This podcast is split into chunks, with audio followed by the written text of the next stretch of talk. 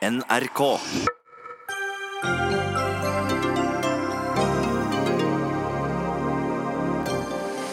Hvordan kan politiet fange opp unge ekstremister før de går til aksjon? Spørsmålet stiller vi til politidirektør Benedikte Bjørnland. De som stemmer på folkeaksjonen Nei til bompenger, vet ikke hva slags politikk de får, har Frp advart denne uken. Vel, hva med å lese partiprogrammet og høre med bompengepartiet i Stavanger, som faktisk har drevet aktiv politikk i fire år? Sylvi Listhaug var den som ledet KrF ut i splittelse, hevdes det i ny bok.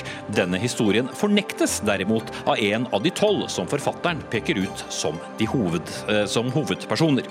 Og all PR er god PR, sies det iallfall, men nå viser forskning at det ikke stemmer. Iallfall ikke for politikere. Også midt i valget, da gitt.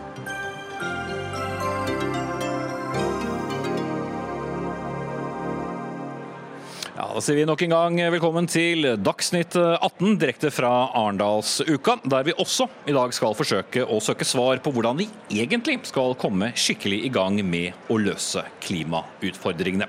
Riktig god kveld og velkommen. Jeg heter Espen Aas. Først skal vi snakke om terrorangrepet mot Al-Noor-moskeen i Bærum på lørdag, iallfall på en generell basis. For um, hva får noen til å vikle seg inn i et nett av uh, ekstreme tanker og voldsambisjoner? De siste årene har flere radikaliserte unge havnet i politiets, søkelys, men ikke alle blir fanget opp før det fatale skjer. Og På mandag ble altså norske Philip Manshaus siktet for terror og drap etter forsøk terrorforsøket mot moskeen i Bærum. Og Bendikte Bjørnland, politidirektør i Politidirektoratet. De eh, angivelige terroristene har som fellestrekk at de radikaliseres på nettet og planlegger terroren alene. Hvilke utfordringer gir det politiet? Ja, Såkalt uh, ensomme ulver uh, er jo ekstra vanskelig å fange opp. Uh, der man ofte får informasjon, det er jo når flere samhandler i, fellesskap. Altså at man snakker om en, en liten gruppe og som gjør seg sårbare ved at de kommuniserer, og så fanger man opp det. Og så har man en, en inngang på å jobbe videre med det. Men ensomme ulver er vanskelig. derfor er det desto viktigere at man gjør Eh, så godt forebyggende arbeid som man kan. Og Der er det andre enn politi og PST som sitter på verktøyene. Mm. Fordi Men for, noen studier Ja, nei, nå, jeg tenker jeg skulle fortelle om et par studier som jeg kjenner til. og Det ene gikk på sårbarheter eh, knyttet til personer som radikaliseres til ekstrem islamisme. Det andre studiet gikk på sårbarheter knyttet til personer som radikaliseres til høyreekstremisme. Og Fellesskapet med de studiene var at det var ganske like. Man fant ganske like funn. Man fant de samme sårbarhetene hos disse enkeltindividene som som hadde endt inn i en radikaliseringsprosess. Og Fellesnevneren var dårlig gjennomføring av skole, lav utdannelse, dårlig tilknytning til arbeidslivet, eh, til dels utfordringer med eh, rus og psykiatri. Eh, for så vidt gjaldt ekstrem islamisme, også dårlig integrert. Noen av de hadde også kommet til Norge og hadde mistet en eller begge foreldre.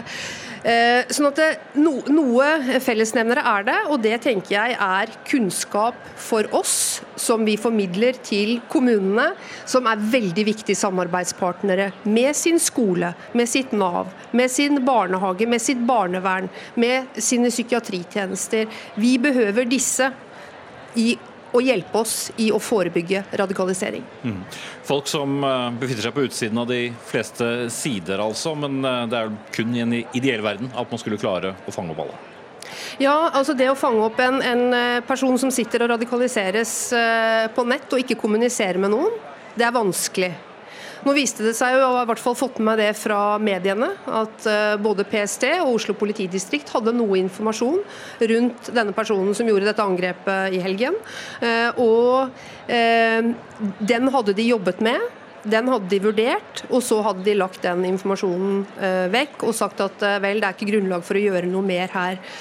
Da tenker jeg at det i hvert fall er viktig at der andre offentlige instanser sitter på informasjon, og nå snakker jeg mer generelt da, så er det viktig at den informasjonen som kanskje handler om en person de har bekymring til, som er i et radikaliseringsløp, den må de formidle. For det er informasjon som beriker politiets bilde, og som kanskje er akkurat den lille snutten med informasjon man behøver for å jobbe videre. Mm. Men skal da politiet også gå mer aktivt ut til de offentlige instansene når et navn dukker opp?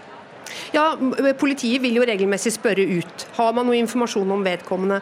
Men hvis det er offentlige etater, eller hvis det er skoler eller hvis det er barnevern som kanskje sitter på informasjon som de ikke deler, av kanskje noe de tenker er taushetspliktsgrunner, så er det i hvert fall en oppfordring fra meg å se, se en ekstra runde på de taushetspliktsreglene, og se om ikke det er en åpning for faktisk å dele informasjon hvis man sitter igjen med en bekymring om at vedkommende kan være farlig. Mm.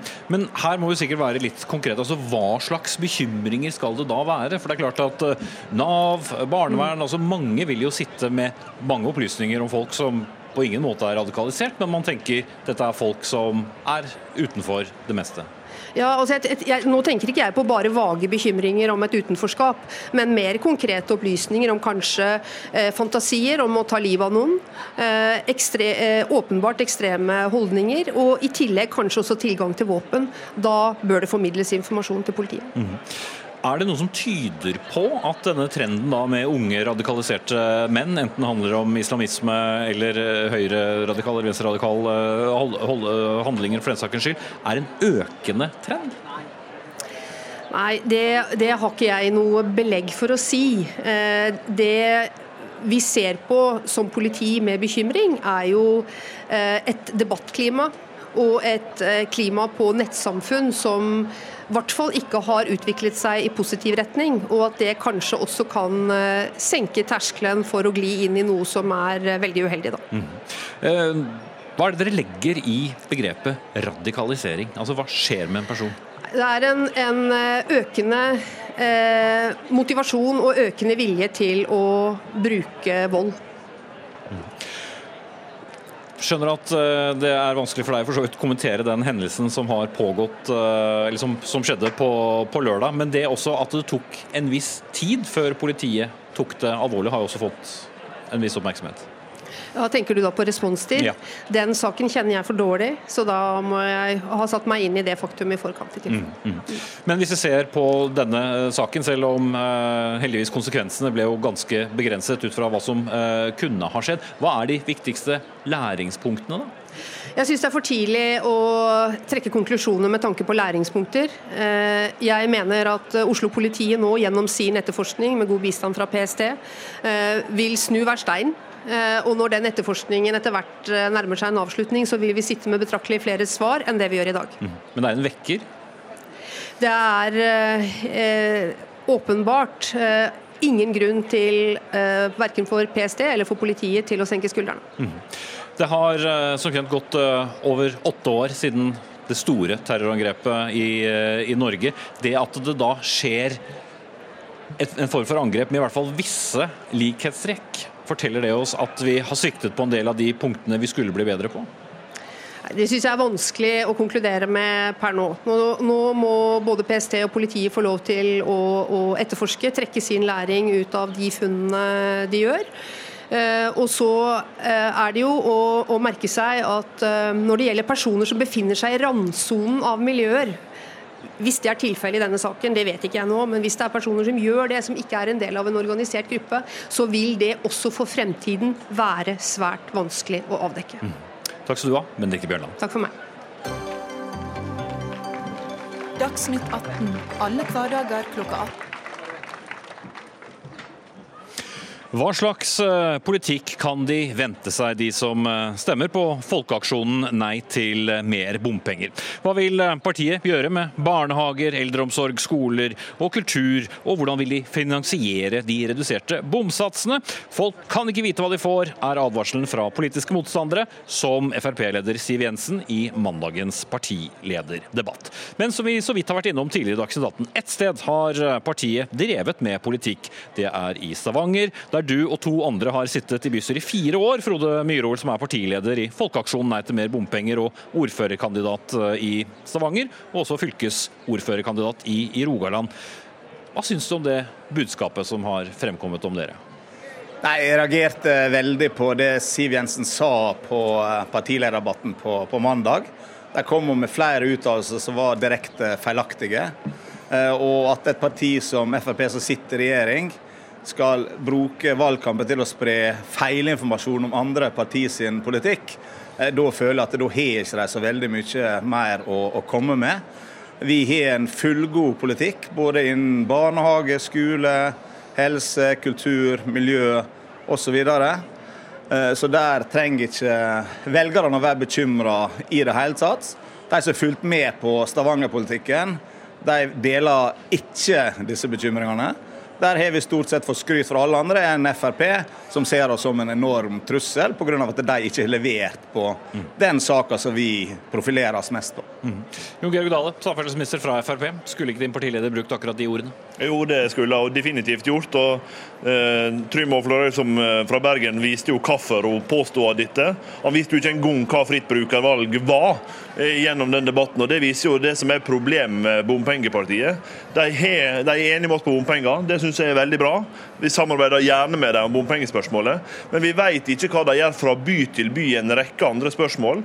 Og de har ulik program og ulik forståelse av hva som må til i kommunene. Og så vet vi jo samtidig De har sittet fire år i Stavanger, men har de gjort noe med bompengene? De har ikke det. Mens vår mann f.eks. i Sandnes, Pål Morten Borgli, har vært en av de som har jobba gjennom og fortsatt står på barrikadene for å hindre rushtidsavgifta på Nord-Jæren. Mm, dette her er jo ganske komisk å høre på. Eh, vi har sittet i bystyret i lag med Fremskrittspartiet i Stavanger nå i, i fire år. Vi har bl.a. fremma fem forslag om konsekvensutredning av bypakken før bypakken ble satt i gang. Fremskrittspartiet de stemte bare på to av dem. Eh, de tre andre så kunne Fremskrittspartiet skaffa flertall for det, men Fremskrittspartiet valgte å ikke stemme på det. Når vi er inne på den debatten som var på, på mandag, så ble Trym Aafløy, som er lokalpolitiker i Bergen, spurt om saker som har skjedd i Stavanger i den foregående perioden. Det har han selvfølgelig ingen forutsetninger for å snakke noe om. Så er Dale inne på dette her med at han vet ikke hva han får med FNB i de ulike kommunene. Hvis han ser til Stavanger, da, der sitter faktisk Fremskrittspartiet og samarbeider med Arbeiderpartiet i Sandnes. Mens i Stavanger der er Fremskrittspartiet og Arbeiderpartiet som hund og katt. Og en av de konsekvensene det får, det er nå at Arbeiderpartiet kom med et forslag om konsekvensutredning som Frp kunne ha skaffa flertall for. Så velger de heller å stemme imot Arbeiderpartiet som kom med forslaget. De stemte ikke for selve forslaget. Og Det er forskjellen på FNB og Frp. Vi ser på politikken, vi ser ikke på de som faktisk kommer med de ulike forslagene. Ja, Dette er jo eh, bare tull. Det er jo naturligvis sånn at når en blir utfordra på hva en vil gjøre for fritt brukervalg i Bergen, så må en kunne klare å svare på det. Og i en rekke andre spørsmål, som f.eks. når du vil finansiere lavere bompenger med høyere skatt. Men det er jo det som er hele poenget mitt. Jeg er for lavere bompenger, enig med FNB om det. Men hva er det som skal til da? Ja, det er at lokale Fremskrittspartipolitikere i lag med fylkespolitikerne og Fremskrittspartiet i regjering finner løsninger i fellesskap. Derfor sitter Men vi nå... også stemmer ned eh, forslag som som kunne vært gode, som eh, Nei, eksempelet? Vi stemmer ikke ned forslag som kunne vært gode, vi stemmer ned forslag som er dårlige, fordi vi i utgangspunktet har hatt Utgangspunktet vårt både på, i Sandnes og i Stavanger og de andre kommunene har vært å ikke ha bompenger. Se hva en får til av løsninger for å begrense dem mest mulig. Akkurat nettopp den samme grunnen som at vi har fått til store bompengereduksjoner i distriktene. Må fortsette med det. Men vi må også gjøre noe i byene. Men denne mannen har ikke tenkt å løse det, for han har ikke en eneste finansieringskilde for å få det til. Han sier bare ja, men det må jeg fikse. Og det er helt rett. Det er vi som må fikse dette, for han har ikke tenkt å gjøre det. Mirur. Ja, og her er jo eh, litt av problemet. Altså, nå står han og advarer mot folk å stemme på oss i lokalvalget pga. at vi som lokalpolitikere ikke er de som handler om pengesekken. Men hva er da forskjellen på å stemme på FNB og Frp? Pga. at eh, Frp på Stortinget de bryr seg om hva Frp lokalt gjør. Altså, det, var, det var forslag fra Arbeiderpartiet og SV i behandling av Oslopakke 3, Bypakke Nord-Jæren, om at staten skulle ta 70% av finansieringa til disse kollektivtiltakene i pakkene. Frp på Stortinget nei da, de ønsket ikke det. De ønsket ikke at staten faktisk skulle betale mest mulig. Mens Frp på fylkestinget i Rogaland de har sagt at de ønsker statlig finansiering. Så hvis han stemmer på Frp, så vet han i alle fall ikke hva han får. Hvis han stemmer på FNB vi har aldri gått imot oss sjøl på men, den måten som Frp stadig vekk Hvordan har du tenkt å bidra med kommunal eller fylkeskommunal finansiering til det ansvaret som kommunene og fylkeskommunene sjøl er?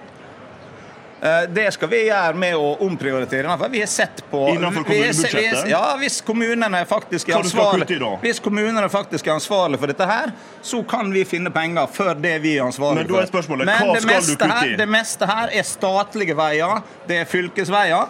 Vi skal bl.a. kutte i prestisjeprosjekt som Frp i Stavanger har kasta vekk flertalls, titalls millioner på, som et prosjekt som Stavanger Forum. Det vil ikke vi bruke kroner på, mens okay. Frp bruker penger på det. Ja, Vi kan ikke gå dessverre inn i flere i prosjekter nå, for eh, tiden deres er eh, ute her nå, eh, mine herrer. Vi får håpe at folk ble litt klokere på forskjellen på FNB og, og Frp. Takk skal dere begge ha. Frode Myhrvold, partileder Folkeaksjonen Nei til bompenger i Stavanger, og eh, samferdselsminister Jon Georg Dale. Men vi gir oss ikke helt med dette, for eh, parallelt med denne debatten, Frøy Gudbrandsen, politisk redaktør i Bergens Tidende, så er det jo en bompengestrid innad i denne regjeringen som eh, de ennå ikke er ferdig med. Er det mulig å se for seg en løsning der alle fire regjeringspartiene går smilende ut? Nei, det er jo egentlig ikke det. Og det som er det store problemet nå, er at både Fremskrittspartiet og Venstre ligger usedvanlig dårlig an på målingene. Eh, Og de har jo ulike interesser nettopp i både bompengespørsmål og når det gjelder eh, kollektivtransport i byene osv. Og, så og hvordan skal de Så ingen av de partiene kan jo gå på et tap i denne saken, eh, og de er helt uenige. Eh, Men eh, jeg tipper at det kommer til å lande på å bruke mer penger på en eller annen slags måte. Venstre-leder og statsråd Ola Elvesund sa i Politisk kvarter her i NRK i morges at de står fast ved om at de er enige om denne regjeringsplattformen, Granavolden-plattformen. Så hvordan kan de da egentlig gjøre så veldig mye annet uten å bryte egne løfter? Eh, Nei, det er ikke så veldig lett å se for seg. Eh, Men de, de kan jo eh, legge mer penger på bordet på en eller annen slags måte. Det er kanskje den eneste løsningen som finnes. Kanskje bruke mer penger på de store kollektivprosjektene i storbyene f.eks. Og kutte bompenger på den måten. Men det er vanskelig å se for seg at de skal komme opp med noe som gjør alle fornøyde, eh, og som eh, egentlig redder oppslutningen til Fremskrittspartiet. Og det er jo det, er jo det som er hele målet, ikke sant? at Fremskrittspartiet skal gå ut av dette her ja, med litt bedre oppslutning, og det eh, sliter jeg litt med å se at de skal få til. Så til eh, den debatten som vi hørte her, hvor vi hadde én lokalrepresentant for Bompengepartiet som har den erfaringen han har. Andre steder, som i Bergen og, og Oslo, så har de ikke den samme erfaringen. Eh, vet folk, kan folk forstå hva slags politikk de vil føre på andre områder, når alt kommer til stykket? Altså, folk kan jo lese partiprogrammet på samme måte som de kan lese partiprogrammet til Fremskrittspartiet, Høyre og SV. Eh, Men eh, nei, de vet nok mindre om et så nytt parti enn det, enn det de gjør med de gamle partiene. Eh, Men jeg er ikke så sikker på om velgerne nødvendigvis bryr seg så mye om det. Fordi eh, de støtter opp om eh, dette bompengepartiet for å si fra om at de syns det er blitt for mye bompenger. Og de skjønner eh, hva dette er. De skjønner at dette er en ny liste som ikke har en komplett politikk. Eh, sånn at eh, Jeg er usikker på om angrepene fra Fremskrittspartiet sånn sett eh, kommer til å nå igjennom. Og hjelper det da med å kunne vise til et eh, parti som da bompengepartiet i, i Stavanger? Kanskje. Eh, Det kan jo kanskje, kanskje litt. Altså, jo mer usikkerhet de klarer å skape rundt partiet, altså, jo, mer, altså, særlig når det gjelder de altså, mest borgerlige velgerne, kan du si. da, Hvis de klarer å skape usikkerhet med ok, hva egentlig får dere borgerlig politikk, får dere, altså, eller samarbeider de kanskje med venstresiden, blir det høyere skatter? Jo mer av den type usikkerhet de kan skape, kanskje kan det hjelpe litt. grann. Men jeg tror de skal jeg tror det er ganske lang vei å gå. altså. Men de har eh, utvilsomt fått tatt eh, sitt store preg på denne valgkampen. Eh, voldsomt. Det går mye bompenger, i hvert fall i Bergen for tiden. Og over, eh, over hele landet. Eh, Vil det føre til noen langvarige endringer i dynamikken i eh, norsk politikk fremover? Eller vil det være veldig avhengig av om de faktisk kommer i noen posisjoner noe sted? Nei, altså En konsekvens det kan ha, er at uh, bompengelistene stjeler så mange velgere fra Fremskrittspartiet at de gjør et uh, kanondårlig valg og uh, setter seg nødt til å gå ut av regjering for å redde oppslutningen frem mot neste valg. Og Da har bompengelistene hatt ganske stor betydning for norsk politikk. og Det er ikke et helt usannsynlig scenario. Takk skal du ha, Frøy Gudbrandsen, politisk redaktør i Bergens Tidende. Og som antydet, vi har ennå ikke fått noen løsning på disse bompengeforhandlingene som foregår mellom de fire regjeringspartiene.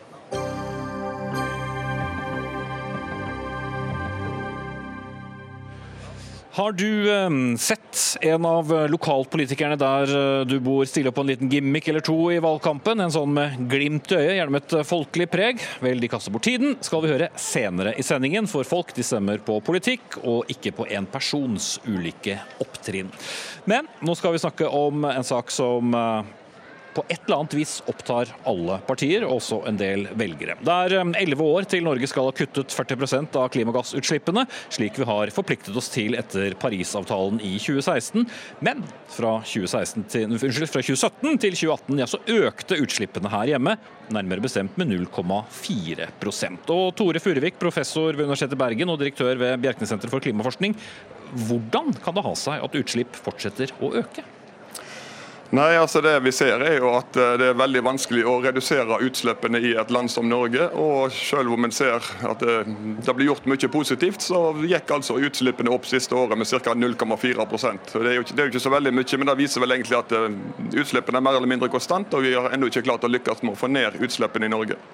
Men vi hører jo gang på gang om Norge som topper salg av eh, elbiler, altså på, på, på nybiler. Olje- og gassutvinningen på norsk sokkel den elektrifiseres. Eh, hvor stor rolle klarer teknologi å spille her? Nei, det er klart at det, eh, det som kan løse klimakrisen, det er jo nettopp teknologi. Det er jo nettopp at vi får inn fornybar energi som kan konkurrere ut etter hvert med olje og gass. Men, men det som vi ser også er at veldig mye av investeringene det fører til utslipp Eh, eller utslippskutt som tar, det tar lang tid før en får på en måte resultatet av investeringene. Og når det gjelder det med elbilpolitikken, så kom jo det som skjedde i fjor, var at en samtidig tok ut en del planteolje eller palmeolje fra biobrenselet. Så en fikk på en måte en effekt av det som gjorde at en ikke så effekten av elbilene. Men, men det er klart utslippene er nok forventa å gå ned de neste årene. Mm.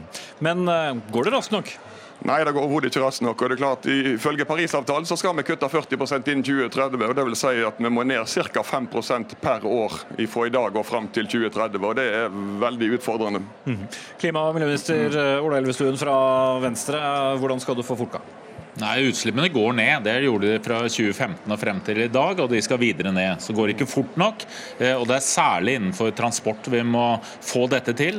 Elbilrevolusjonen vi har, den er viktig, og viktig langt utover Norges grenser. Nå tar vi tak også på tungtransport, varebiler. Der satte vi i gang med et nytt eh, nullutslippsfond nå i, i vår. Og så er det jo innenfor skipsfart vi må også få de store reduksjonene. Eh, der trenger vi 50% Men så har jeg lyst til å si en ting til. Du må alle alle må dra i samme retning. Eh, norsk næringsliv, der har eh, nesten hele næringslivet har sine veikart hvor de har satt seg egne mål. De må man nå levere på fram til 2030 og også fram mot 2050. Mm. Espen Barth Eide, energipolitisk talsperson i Ap. Kommer vi til å komme i mål? Altså, ikke med dagens kurs, der er Furuvik helt rett. Vi, vi, ligger bak, og vi ligger bak i forhold til våre egne mål. Vi vet allerede at vi ikke når de målene for 2020 som vi var enige om eh, så sent som i 2012. Eh, og Det er et problem i seg selv, og vi er ikke i rute. og Det er et alvorlig problem. Og Det, det, det som gjør det enda verre, er at Norge er et av de få landene i Europa hvor utslippene går opp, mens i det store flertallet av europeiske land så går utslippene nå ned. Så vi har liksom begynt å sakte akterut. Så er jeg enig med Elvestuen at det skjer mange positive ting i forhold til transport, og det står vi sammen sammen om, alle sammen. Men vi er ikke der vi burde være, og vi trenger å løfte dette enda høyere på den politiske agendaen. Og ikke minst så bør vi sette noen klare mål eh, for faktisk å redusere utslipp per år innen hver sektor, i forhold til det vi med et litt fint ord kaller karbonproduktivitet. Det er altså å produsere mer enheter, flere tjenester med mindre utslipp. Sette målrettede mål på det. Og Vi har lagt noen ideer om det fra venstresiden, eh, men regjeringen har ikke vist særlig interesse for det ennå. Men olje... Ja. Dette kommer jo, Denne planen den legges fram til neste år. Vi har bestillingen ute til eh, Miljødirektoratet og andre etatene. De skal legge fram en ny klimakur. Denne planen kommer til neste år. Vi har samtidig også eh, kommet fram til en enighet om felles gjennomføring med EU, som gir også en, en, en ramme for det norske klimaarbeidet som er mye sterkere enn det det har vært tidligere. Og Vi skal ikke bare 40% vi skal 45 ned. Men Det er vel noen dilemmaer her, og et av dem handler jo om eh, forhandle frem i regjering. Og andre ganger kan det jo til og med handle om å bli enig med seg selv i, i eget uh, parti. Absolutt, og dette er, dette er, store og krevende spørsmål for eh, Norge. Vi har eh, mye industri, mye av den må fortsatt omstilles videre og utvikles til, eh, til i enda større grad være forenlig med klimamålene. Vi ønsker at vi skal være en industrinasjon, men vi må ta tak i en rekke av disse nye teknologiene og anvende dem tidlig. Vi må kort enkelt sagt, vi må gjøre tidlig det vi uansett må gjøre en eller annen gang, og ikke gjøre dem sent. Og Det krever altså at man får hele samfunnets virkemidler, skatter, avgifter, forskning og utvikling, skattelette, eh, eier, bruk av eierskap, eh, offentlig innkjøp til å virke i én klar og tydelig retning. Og Det som gleder meg her i Arendalsuka, er at vi opplever at veldig mange næringer selv sier at vi ønsker at staten skal være tydelig på hvor man skal, sette litt tydeligere mål. Og man savner det. Det ønsker vi fra vår side å gi dem.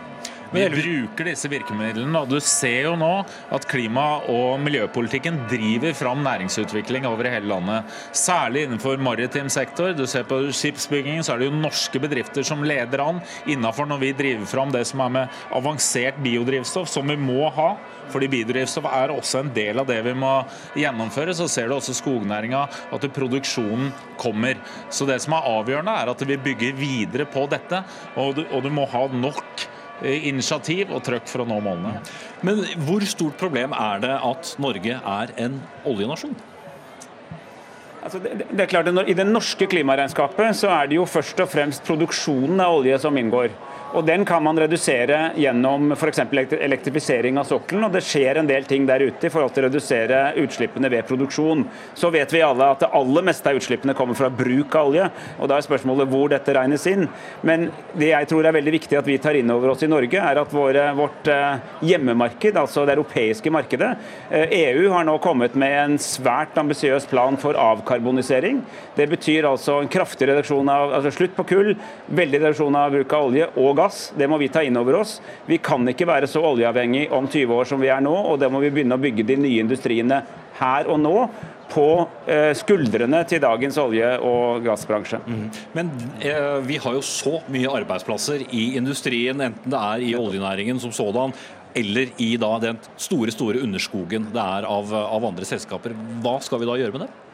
Jeg tror Aktiviteten innenfor olje- og gassektoren den vil vi klare å kunne erstatte gjennom at vi har et konkurransedyktig næringsliv i Norge. Men dette er jo en omstilling, og det er avgjørende også for oss både at vi bruker den kompetansen og kunnskapen som nå er i selskapene i oljenæringa, til å være med på det nye. Enten det er eh, havvindmøller som Equinor jobber med, eller det er hvordan leverandørindustrien og andre jobber for å få fram eh, miljøvennlige løsninger, sånn at man klarer å ha det som en del av den overgangen som vi må eh, igjennom. Mm. Furuvik, hvordan mener du at eh, politikken påvirkes nettopp av olje- og gassinteresser? Nei, altså jeg ser Hvis vi sammenligner oss med alle våre naboland, Danmark og Sverige og England og Tyskland, så, så er det klart at de har klart å kutte utslippene veldig mye i forhold til hva vi har klart. Og Det handler jo om at de har hatt en litt sånn lavthengende frukt. altså De har, de har brukt kull til dels og olje og gass i energi... Um, nei, i, i elektrisitetsproduksjonen, så de har hatt litt, sånn, litt enklere vei. Men samtidig så ser jeg at de har, mye mer, sånn, hatt mye mer konsensus i politikken sin. altså dan, dan, Det nye danske folketinget og de er veldig progressive på miljø og klima. Og Det har jeg vel egentlig etterlyst litt i Norge. og Jeg syns ikke de to store partiene har virkelig tatt eierskap på klima og miljø så langt. Men det kan jo komme til neste valg om to år. Du har jo prøvd noen ganger, men det er, ikke, det er ikke så lett? Jo, jeg mener at det jeg opplever er at både Arbeiderpartiet og arbeiderbevegelsen blir stadig mer opptatt av følgende viktige poeng. Det 20. århundret dreide seg for oss om å skape vekst og fordeling. Så bygge gode liv for alle. Nå vet vi at vi skal ha vekst og fordeling innenfor naturens tålegrenser. Og det krever nettopp de helhetlige styringsgrepene som vi har vist at vi er gode på.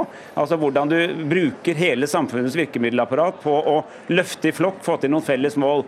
Jeg er veldig opptatt av at vi skal skape arbeidsplasser i industrien også når etterspørselen etter olje og gass går ned. Og det må vi tenke på nå. Jeg er enig med Ola Elvestuen i én ting. Det skjer veldig mye bra innovasjon i den bransjen. Veldig mye som kan brukes til andre ting. Den dårlige nyheten er at vi forblir veldig oljeavhengige. Dette blir ikke storskala industri ennå. Det krever altså en større vilje til å bruke eh, hele samfunnets virkemiddelapparat eh, for å nå store mål. La oss gå til industrien. da. Bjørn Otto Sverdrup, bærekraftsdirektør i Equinor. Selskapet tidligere kjent som Statoil, hvis noen lurer. Eh, hva bidrar Equinor med for at vi skal nå målene? Eh, masser. Og jeg tror det er i hvert fall riktig å si at det er jo egentlig en utrolig utgangspunkt Norge har. Kjempestor energinasjon på vannkraft og på olje og energi. Det må vi bruke som en styrke og en kraft til å være med å forme hvordan energisystem skal være fremover. For det er én ting som og Fuglevik sier, er at vi trenger mye raskere kutt og vi trenger dypere kutt. Og da kommer vi til å trenge kompetanse og kapital og selskap som har visjoner for å være med og drive det. Og det Vi jobber med, vi har sagt at vi skal være med på den reisen og være med på den omstillinga. Og da jobber vi med både å redusere utslipp fra, som våre egne utslipp. Og da gjør vi med egentlig en rekke små skritt, hundrevis av prosjekt, og så gjør vi en del større sprang. Og Vi nevnte her noen av de store sprangene. Vi gjør noe på elektrifisering. Mens vi snakker nå, så jobber vi med to store elektrifiseringer på norsk sokkel. Og så har vi gjort et stort arbeid nå med å se på kan vi ta ut enda mer.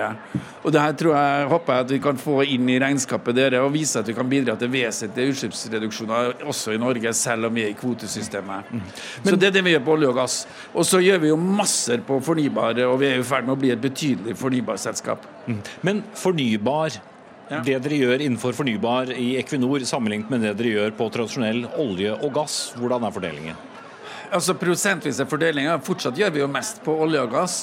Men uh, bare for et par uker siden så vant vi jo et uh, enorm kontrakt utenfor uh, New York, altså byen New York med å bygge ut et gigantisk havvindsprosjekt som kan gi strøm til 500, kanskje 500 000 mennesker. Mm. Men det gjør størrelsen... ikke så mye på vårt Nei, men størrelsen på det er kanskje i overkant av 20 milliarder kroner. Et av de største norske industriprosjektene internasjonalt noensinne. Så fortsatt er vi i startblokka på det. Men vi aner konturene av at dette kan bli en veldig stor del av Equinor.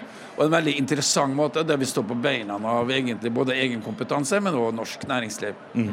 Veldig mye er jo litt sånn vanskelige størrelser, da. Men altså, la oss gå tilbake til dette elleveårsperspektivet som jeg startet med. Vil det på noe som helst tidspunkt der skje at uh, den rene energien, eller fornybare energien, vil vokse seg så stor at uh, den uh, vil være sidestilt eller større enn olje og gass? Nei, altså kommer litt an på hvordan du måler det, tror jeg. Men altså, olje og gass har en utrolig energiintensitet. Så det er veldig vanskelig å se at du kan raskt vokse fornybar energi mens, og samme energimengden. da.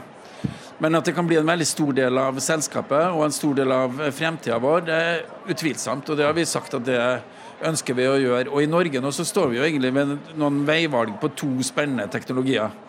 Det ene er kan vi lykkes med å utvinne, eh, utnytte vindressursene til havs, også på dypere vann. Flytende vind. Og det andre er egentlig karbonfangst og -lagring.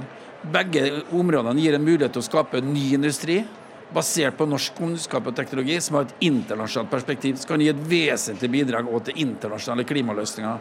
Og Det som er jobben nå, er jo egentlig å forsøke å få til en dialog mellom norske myndigheter. Jeg syns den er godt i gang på hvordan kan vi få til et samspill med støtteordninger og virkemidler som får, får løst de mulighetene. Men jeg syns det er en del diskusjoner om uh, også vindkraft på land. Altså, dette, er, dette er prosesser som tar veldig lang tid. Selv om vi vet hvor fort klokka går. Ja, Når det gjelder utslippskutt, så er det jo særlig innenfor transport vi må betale. og Der sånn mener jeg vi gjør ting i Norge som ingen andre er i nærheten av. Der ligger vi virkelig i front. Når det gjelder eh, produksjon på land, så er jo situasjonen det Grunnlaget er jo positivt. Dvs. Si at eh, vindkraft er blitt lønnsomt. Det har blitt lønnsomt mye raskere enn man så for seg for noen år siden.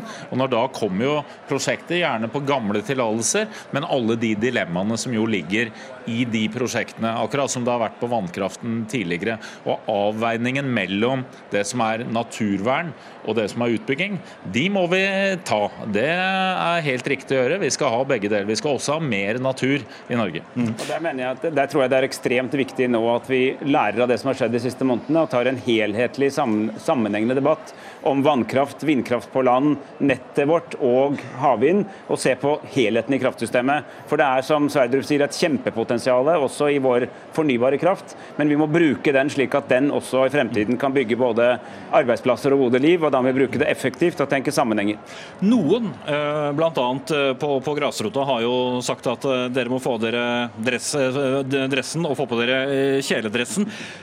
Blir dette oppfattet også litt som en elitediskusjon?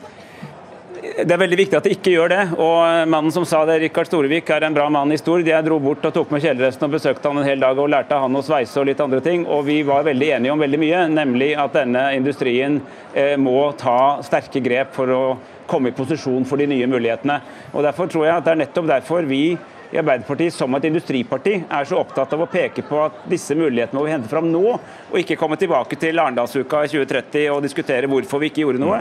Eh, så er det masse innovasjon der ute, det er vi enige om alle sammen. Eh, ære være Equinor for mye av det de gjør her. Men det blir altså, vi er fortsatt et veldig oljeavhengig land.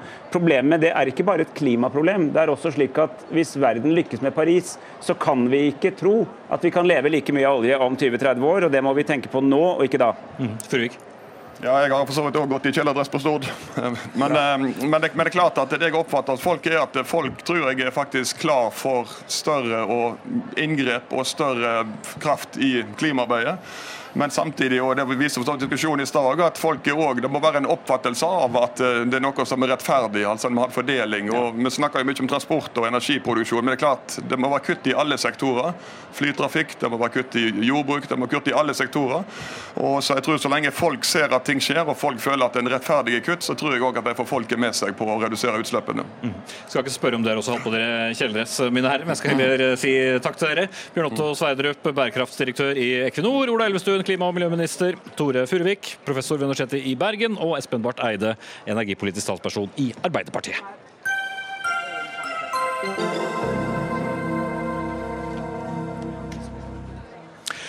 Var det først og fremst Fremskrittspartiets Sylvi Listhaug som splittet Kristelig Folkeparti før partiet valgte side i politikken i fjor høst? Ja, skal vi tro forfatter og tidligere redaktør i avisen Vårt Land, Helge Simones, som i dag slipper boken kampen om korset i politikken, som bl.a. forteller nettopp historien om det nevnte veivalget. Men en av de tolv viktigste spillerne som Simones peker på i boken, har en litt annen måte å fortelle historien på. Og Det er deg, det, Martine Tønnesen, leder av Kristelig Folkepartis Ungdom.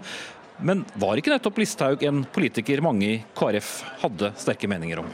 Ja, Det er helt sikkert eh, mange sterke meninger om Sylvi Listhaug både i KrF og i de fleste andre partier. Men eh, når eh, vi diskuterte veivalget til KrF i høst, så var det en debatt om hvor KrF kom til å få mest gjennomslag for vår politikk. Det var en debatt om hvor KrF kom til å få gjennomslag for valgfrihet for familier og, og klima- og miljøspørsmål for flyktninger og osv. Og, og det var en debatt jeg, altså jeg var travelt opptatt med å diskutere hvor KrF ville hente mest igjen for sin politikk, og vi diskuterte aldri Sylvi Listhaug i, den, i den debatten. Mm. Ja, Helge Simones, eh, du er jo da den historiefortelleren. Eh, hjelp oss nå med, med å huske litt. De fleste tenker vel på at eh, partiet skulle velge rød eller blå side, så hva i all verden hadde Sylvi Listhaug med dette å gjøre? Ja, Jeg er mye mer opptatt av det som skjedde fra 2017 fram til eh, september 2018, da eh, Knut Arild Hareide kunngjorde sitt valg. Og det er jeg helt overbevist om at Sylvi Listhaug var med et veldig sentralt element i, i Hareides valg, som gjorde at han falt ned på at han ville gå mot et samarbeid med, men, med Arbeiderpartiet. Men konkret hvordan da? Fordi at Det var en enormt sterk konflikt mellom Hareide og Listhaug. Eh, han var tungen på vektskålen som gjorde at hun ble kasta som statsråd i mars 2018. Det var et veldig sterkt språkbruk i den perioden. Veldig sterk åndelig retorikk. Vi husker alle hva som var sagt. Han som sleiker imamer opp etter ryggen. Vi fikk godhetstyranniet. Vi fikk eh, eh, norske kristne verdier. Alt var lagt opp til front mot, eh, mot KrF. Og jeg tror at dette plaga veldig sterkt Hareide, fordi han så jo at en god del av velgermassa følte dette, var enig egentlig med språket til Listhaug. De eh, velger masse altså til KrF, og det var uendelig behag, ubehagelig for eh, KrF. Ja, Det er jo vanskelig for meg å skulle diskutere hva Knut Arild tenkte eller ikke tenkte. Eh, og jeg syns det er rart at du vet veldig mye mer om det enn det jeg gjør. Men jeg tror at det Knut Arild var opptatt av, det var å gjennomslag for KrF sin politikk. Eh, og, men, men, inntrykket som vi sitter igjen med nå, det er, er, at dette er en bok som er skrevet om at KrF har valgt et eller annet rundt Sylvi Listhaug, når vi i realiteten diskuterte om vi skulle inn i regjering med Solberg-regjeringen, eller om vi skulle til venstre inn med Arbeiderpartiet og Senterpartiet. Eh, så jeg, jeg, bare, jeg, jeg blir veldig forvirra når jeg på en måte både leser de delene av boka som jeg har lest, Eh, og når jeg hører det som blir eh, rapportert i, i, mediene, fordi dette gir ikke noe mening for meg, og jeg kjenner meg ikke igjen i det i det hele tatt. Og mitt spørsmål er liksom, hvor, hvor var Simon Næss høsten 2018 da når vi diskuterte hvor KrF skulle få mest gjennomslag for valgfrihet for familier, for fritidskortet vårt, for et livssynsåpent samfunn okay. og for det å, å bygge samfunnet nedenfra? Martine Tønnesen, dette er så forenkling av politikken, fordi at du må ta utgangspunkt i det som er oppspillet til en politisk prosess. Og det er den som er veldig interessant i dette. Og eh, politikere, alle politikere som jeg kjenner i KrF som er aktive, er godt fundert i kristendemokratisk tenkning. Problemet er at eh, veldig mye av grunnfjellet er ikke grunnfesta i den kristendemokratiske tenkninga. Det er en enorm splid mellom grunnfjellet i KrF og de aktive politikerne. Og dette har ikke KrF-politikerne ønska å gå inn i. Det er veldig ubehagelig at det er en del av deres potensielle velgere som har slike holdninger, og, eh, og som uh, syns det ja, holde med Sylvi Listhaug, hun som er helt ute der, og så likevel gjør de det. Og Det synliggjør en veldig djup splittelse i KrF, og som partiet kommer til å måtte leve med veldig lenge. Og som gjør at jeg tror at utsiktene til partiet kan være vanskelig nettopp pga. denne djupe splittelsen, og som hele Norge har bivåna gjennom en konkret sak. Mm. Eh, og Som du beskriver i boken, og som vi kanskje husker også, så fridde jo uh, Sylvi Listhaug til en del menigheter. Hun ble invitert. Mange syntes hun sto for en klarere uh, politikk på en del viktige felt i, i, i Kristen-Norge. Men du mener den delen av det er overspilt, uh, Tønnesen? Ja, i hvert fall i den boka som, som legges fram nå. For jeg, jeg, tror, det er en veldig forenkling å si at det er Sylvi Listhaug som på en måte var avgjørende for KrF sitt veivalg. Og jeg vil bare si at Simon har jo bestemt seg for å skrive en bok om kampen om korset eller kristendommens plass i, i norsk politikk før KrF sitt veivalg. Og det virker for meg som at han har puttet KrFs veivalg liksom der hvor det passer inn i boka, for å få en helhetlig historie. Eh, så jeg, jeg, henger på en måte ikke med på altså, sånn, jeg, jeg, bare liksom, jeg er forvirra og overrasket over at, det her er på en måte, at dette er noe som man kan tro. og Samtidig så sitter jo jeg jeg satt jo midt i det og fulgte fra innsiden det som skjedde, så jeg, jeg må jo være åpen for at det kan se annerledes ut fra utsiden. Eh, men det er en veld, veldig forenkling å si at KrF sine velgere var opptatt av Sylvi Listhaug i veivalgsdebatten, for vi var opptatt av politikk, ikke en annen, en, en annen partis person. Nå lar vi henne hvile litt, men du også peker på tolv veldig viktige personer i boken, Simones. Og, og Tønnesen er da en av de tolv eh, utvalgte. Eh, hva gjorde hennes eh, posisjon som leder av ungdomspartiet sentral i veivalget? Normalt så er det slik at et ungdomsparti tar et litt mer sånn progressivt standpunkt enn en moderpartiet. Og så var det litt motsatt tilfelle her. Hvordan da? Ja, At det, at det pekte mot Høyre. Det var en strid i KrFU om det. KrFU var delt på midten, alt akkurat på samme måte som eh, moderpartiet. Martine Tønnesen var en ganske aktiv debattant i dette og pådriver i dette. Eh, skrev bl.a. et innlegg i Stavanger Aftenblad sammen med sju andre Eh, unge KrF-ere. brukt brukte abortloven ganske sterkt i, helt i første fase, og så ser jeg at hun har distansert seg fra det. Og Det er jo slik det er. Det er en historieskriving som skjer. det. Alle de som var involvert i KrF-prosessen har behov for å skrive sin historie nå og fortelle ja, det var ikke sånn jeg tenkte, og på en måte distansere seg litt fra ansvaret. Men faktum er at Martine Tønnesen var kanskje en av de som var tungen på vektskåla for at vi nå sitter med KrF i regjering med, med Frp, og der Sylvi Listhaug også er kommet inn som statsråd. Og Det er intenst ubehagelig i deler av KrF. Ja, bare igjen For å hjelpe på hukommelsen til folk. da Vi i mediene brukte jo mye tid på å snakke om dette møtet da som var mellom Høyre og Kjell Ingolf Ropstad, og angivelig eh, lovnader som kom om endringer i abortloven. Og Dette var uansett viktige endringer for eh, en del, eh, Tønnesen? Eh, altså, KrF har jo alltid løftet menneskeverdet, så det er klart at disse spørsmålene eh, er jo viktige for KrF. og det har det jo vært. Vi har prøvd å løfte debatten mange ganger før.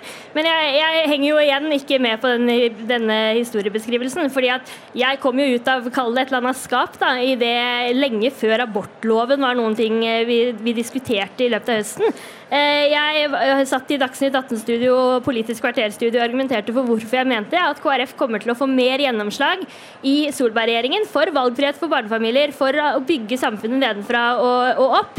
Eh, sånn at det var, ikke, det var helt åpenbart ikke en avgjørende sak for meg. Og jeg synes det er veldig spesielt. Jeg skrev veldig mange kronikker i løpet av høsten, eh, og veldig mange av de kronikkene, eller de aller fleste av de kronikkene handlet overhodet ikke om abortloven. Jeg løftet om jeg, Men du sa at det var et viktig Du sa jo innledningsmessig her at det var en, en viktig sak, men nå sier du også at det ikke er en viktig sak. Nei, det var ikke en avgjørende sak for KrFs veivalg, det er jeg 100 sikker på. Og jeg vet at det er ganske mange mediehus i Norge som har prøvd å lete fram noen delegater i et eller annet lokallag og, og fylkeslag i, i, KrF som ble blå av å liksom høre at abortloven var noe man diskuterte. Det har man ikke klart å finne, da. Så det er sikkert en eller annen der ute, men hvis det skulle være en avgjørende sak for KrF, så måtte det vært ganske mange.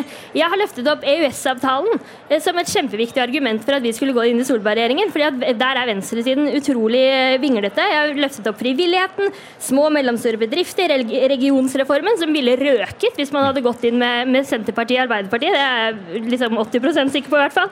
Og det å bygge ikke... samfunnet nedenfra altså, det, ja, men... Du pålegger meg altså, Helge Simones pålegger meg masse meninger som jeg ikke har. Og det syns jeg er ganske problematisk, for jeg har ikke fått lov til å uttale meg i denne boka på dette. Simones. Eh, Martine Tønnesen må finne seg i at eh, en politiker blir vurdert, og at hun blir vurdert utenfra. Og hun eh, må gjerne være uenig i den vurderinga som, som, er gjort. Men at det ligger mye her som er gjemt, og som spiller veldig mye på religiøse instinkt, og som ikke hun kjenner seg igjen i. Hun er fra et strøk i landet der denne, eh, denne, politiske teologien ikke gjør så særlig gjeldende. Jeg tror hun har en del problemer med å skjønne hva er det som skjer på Vestlandet av utvikling på det, og det er det jeg har prøvd å gå inn i og forklare. Og jeg, jeg tror kanskje det, det innlegget der mangler en sånn hei, hei, lille venn, det må jeg bare si. Eh, jeg, altså, var, det en hersketeknikk? Ja, det var en ren hersketeknikk. Ja. Jeg vet hva jeg står for, og jeg argumenterte for at KrF får mest gjennomslag for vår politikk, og det er veldig viktig, fordi at KrFs Eh, veivalg i høst det handlet ikke om eh, politikken i seg selv. Vi var enige om politikken. Det var et enstemmig landsstyre som vedtok en uttalelse som omhandlet hva det var KrF skulle løfte. Var, det var ikke politikken vi var uenige om, vi var uenige om hvor vi ville hente mest. Jeg mente at vi ville hente mest hos Solberg-regjeringen. Det står jeg fremdeles for etter den regjeringsplattformen. Det er det, er det jeg står for. og det, er, det var ikke én sak som avgjorde det.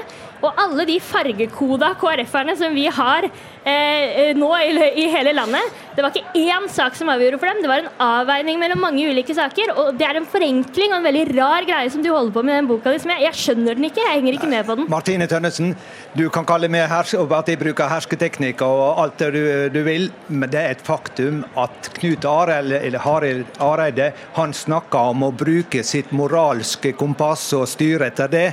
Det handler ikke om EØS, det handler om noe helt annet grunnleggende.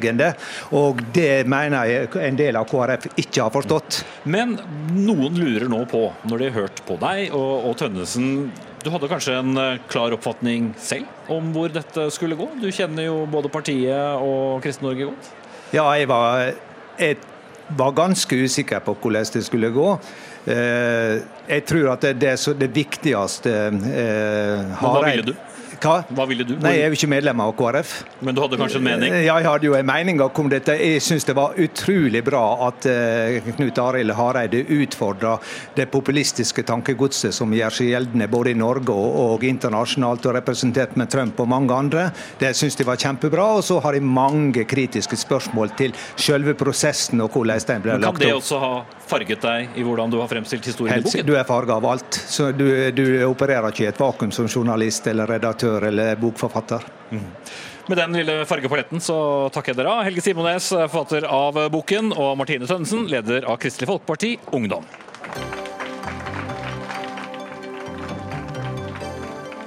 Hør Dagsnytt 18 når du vil. Radio NRK NO. Nå som eh, valgkampen er mer enn eh, godt i gang, ja, så er det kanskje bare å forberede seg på politikere som deltar på alskens rariteter, som morellstein, spyttekonkurranse, reality-programmer eller vannscooter. Stunts. Men uh, hvor mange stemmer uh, genererer egentlig disse opptrinnene og stuntene og gimmicker som overhodet ikke handler om politikk? Håkon Gjerløv, du er stipendiat ved Institutt for statsvitenskap ved Universitetet i Oslo og har forsket på det. Hvor effektivt er det å få det bildet i avisen, eller få det innslaget på nyhetene der man har veldig mye glimt i øyet og er litt folkelig og morsom? Eh, nei, det, mm, eh, det, det kan jo helt selvfølgelig hende at den typen stunt genererer oppmerksomhet som du senere kan bruke til å signalisere dine politiske saker. Men hvis du aldri snakker om politikk og ikke deltar i politiske saker, da spørs det om medieoppmerksomheten egentlig gjør så fryktelig mye for deg som politiker. Mm.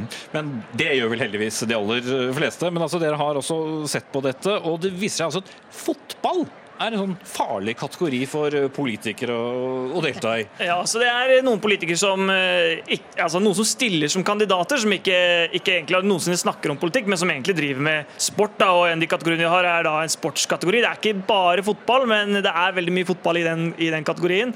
Og da De politikerne kan se ut som at uh, Altså, vi er ikke helt sikre, men her kan det kanskje være bedre å holde seg unna media hvis du bare skal drive med fotball. Mm. Hvis du har lyst til å bli valgt. Kan det virke mot sin hensikt? Det kan virke mot sin hensikt. Har du eksempler på det? Eh, det, det jeg har ikke helt konkrete eksempler. Jeg har ikke helt lov til å avsløre det heller, for det er personvernsrettigheter.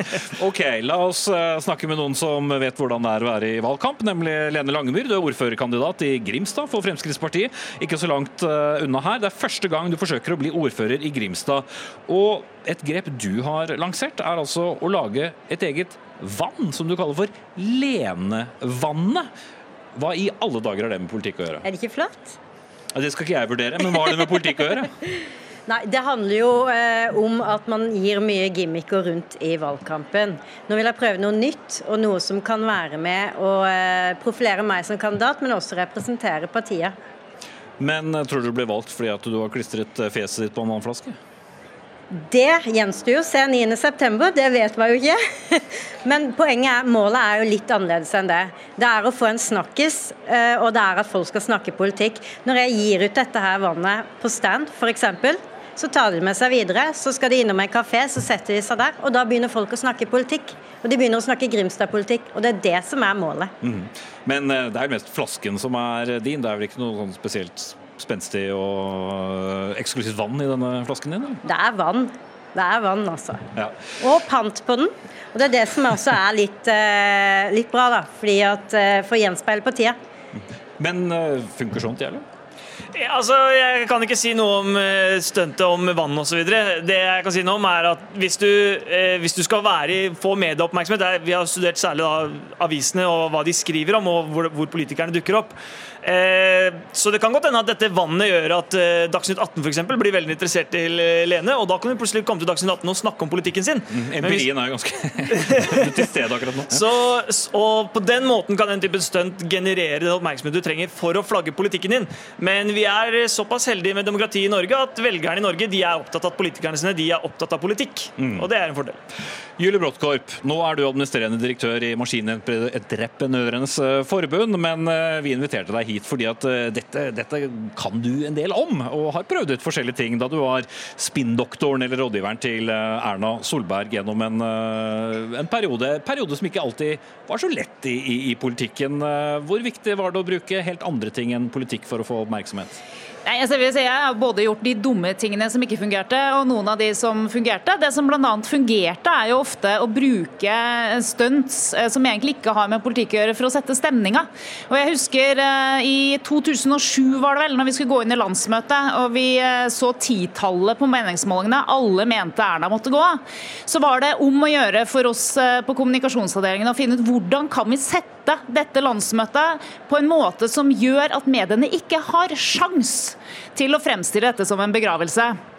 Da fant vi ut at vi startet landsmøtet med Penthouse Playboys. Husker det. som da startet med I Will Survive. Eh, det gjorde både at man fikk frem den herlige selvironien som Erna har, Eh, men det gjorde også at det var helt umulig for dere i mediene å da presentere det som et landsmøte som var på vei inn i en eh, begravelse.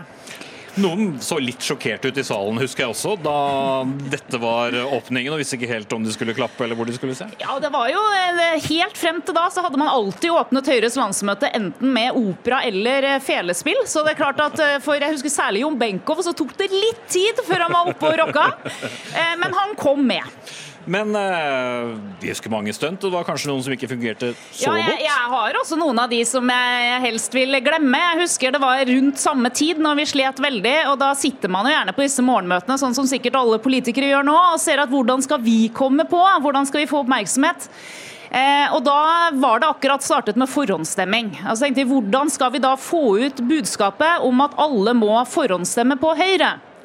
Eh, og Da kom jeg da opp med den eh, i senere tid svært lite lure idé om at vi skulle få den gang artist eh, Lene Alexandra Øyen, som hadde da en sang som het 'My Boobs Are OK', Mm, til å da stille opp sammen med Per Christian Foss utenfor rådhuset i Oslo og synge 'To vote, to vote, to vote is OK'. Eh, Da det kom på Lørdagsrevyen bl.a., så så man jo ganske klart eh, at dette spilte stor eh, fallitt. Eh, Og jeg husker det var samme dag som ekteparet Helleland på Stortinget giftet seg. Og jeg hadde svært lyst til å bli sittende på toalettet den kvelden. Ja, og for de som ikke husker denne videoen, så kommer de altså ut av, av rådhuset. Per Foss, eh, da en stor profil i partiet, skulle da lære henne bort og hvordan hun Skulle skulle, lære henne å stemme. For å jeg tror hun fikk mye mer ut av det stuntet enn Høyre gjorde. Mm. En dag i dag så er jeg usikker på om ektemannen til Birgitte Foss helt har tilgitt meg. Mener du husker han ikke så helt komfortabel ut sammen med Lena Alexandra Øyen heller. Eh, men alt i alt så skjedde det jo mye med Erna Solberg, som var avskrevet av mange i eget parti, avskrevet av eh, mange velgere. Men det var vel kanskje til sjuende og sist en kombinasjon av politikk og bygging Ja, av jeg tror hun er et godt bevis eh, på det vi her tydelig har da fått eh, vite, eh, nemlig at det er politikken som gjelder. For hun fikk jo alltid kritikk for at hun var så saklig, og for at hun bare snakket om politikk og var så kjedelig. Og nå i dag så tror jeg ingen er uenig om at det har vært en god oppskrift å holde seg til politikk og være seg sjæl. Mm. Ja, Langemyr, hvordan var på en måte drodlemøtet ditt? Hvorfor ble det vann? Hvorfor ikke en lenestol? Ja. Nei, igjen, vi måtte gjøre noe som skilte seg litt ut, som ga, ga oppmerksomheten der det skulle. Samtidig som det skulle representere eh, partiet. Så handler det litt om gjenkjennelseseffekten, både i forhold til farger, i forhold til logo. Men igjen, målet er jo det at folk skal begynne å snakke politikk. Det er jo det som er målet. Det er ikke fare for at du bare blir husket som hun kandidaten med vannet? Da.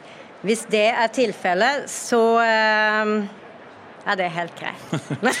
Håkon eh, Gjerløv, eh, altså, hva skal da skikkelig til for at en, en, en gimmick kan gi gevinst? Brott- kom kommer jo med noen eh, eksempler her. Men altså, hvis det er bare stuntet man husker, som med denne forhåndsstemmevideoen Ja, eh, altså nå, jeg, nå går jeg langt ut i synsutsdager her. Nå er det ikke forskningen bak det jeg sier, men det, er klart at, eh, det er klart at mitt eh, tips til politikerne, hvis jeg skal være PR-rådgiver, så er det å prøve å få sakene over på politikk. Politikk som velgerne er opptatt av, og det, det er ganske fort. Og prøve å holde seg Passe på at mediene plukker opp dine politiske standpunkter, først og fremst. Ja.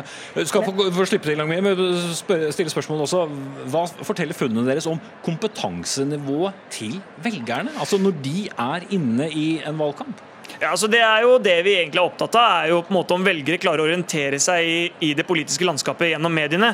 Eh, for det er en del andre studier, bl.a. fra USA, som, som hinter til at nei, men velgerne de, de baserer valget sitt på alle mulige, alle mulige signaler, sånn at de, de tar masse irrasjonelle, irrasjonelle beslutninger. Men det vi prøver å, eller det vi mener at vi finner, er at velgerne orienterer seg ganske bra i mediebildet, og det er de sakene som er relevante for politikken, det er de sakene som genererer personstemmene i kommunevalgene. da. Mm. Har du noe mer på lur, eh, Langemyr, Ja, hvis ikke du får oppmerksomhet? Jeg har alltid noe på lur, det kan du spørre mine kollegaer om. Men nå tenker jeg mer på den undersøkelsen som, eh, som han her har gjort. Den har jo faktisk blitt gjort i Oslo. Og jeg forstår i en storby at kanskje velgerne eh, føler seg litt mer distansert eh, til politikerne. Jeg har sjøl vært Oslo-politiker i mange år. Men i distriktene, hadde gjort samme undersøkelse i distriktene, så er jeg ikke helt sikker på om det samme resultatet hadde kommet. For de trenger et fjes å se på, de trenger å assosiere seg med noe. Og selvfølgelig prater man politikk. Og det skal man gjøre, men det er også like viktig å ha en eh, ordførerkandidat som viser at de er en del av folket. Mm. Skal vi enes eh, om én ting, Håkon Gjerløv, Lene Langemyr og Julie Brodkorp, At to vote, to vote. To vote is OK. Og det må dere gjøre før det har gått uh, fire uker. Dagsnytt 18 er ved veis ende her fra Arendal. Ansvarlig for sendingen det var uh, Jaran Ree Mikkelsen. Frode Thorshaug tok seg av det tekniske. Jeg heter uh, Espen Aas, og nå skal vi pakke ned flåten vår her i Arendal. Og så er Dagsnytt 18 på plass fra sitt vante fargerike studio innenfor Ring 3 i Oslo fra og med i morgen, men med saker forhåpentligvis fra det ganske land. Takk skal dere ha.